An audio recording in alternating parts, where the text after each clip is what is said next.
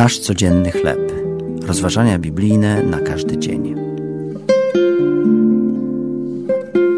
Łaska w naszych sercach.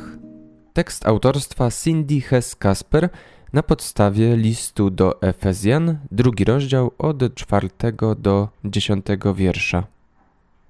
Kilka lat temu generał Peter Ciarelli, w owym czasie generał numer dwa w armii amerykańskiej, został wzięty za kelnera przez doradczynię prezydenta podczas formalnego obiadu w Waszyngtonie.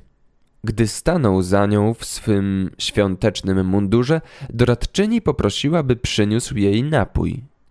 Uświadomiła sobie wówczas swoją pomyłkę, a generał w uprzejmy sposób rozładował jej zażenowanie z humorem napełniając jej szklankę, a nawet zapraszając ją na swój rodzinny obiad. Słowo łaskawy pochodzi od łaski i może znaczyć akt uprzejmości lub życzliwości, jak w przypadku gestu generała. Dla wyznawców Chrystusa ma ono jeszcze głębsze znaczenie. Jesteśmy beneficjentami dobrowolnej i niezasłużonej przychylności, czyli łaski, którą Bóg obdarzył nas przez swojego Syna Jezusa.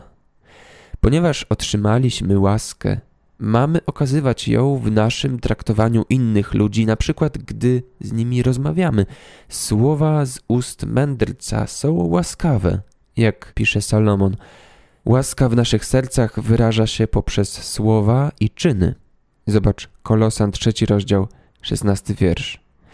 Okazywanie mieszkającej w nas łaski innym ludziom jest efektem życia pełnego ducha. Największym dawcą tej łaski jest Jezus. To były rozważania biblijne na każdy dzień. Nasz codzienny chleb.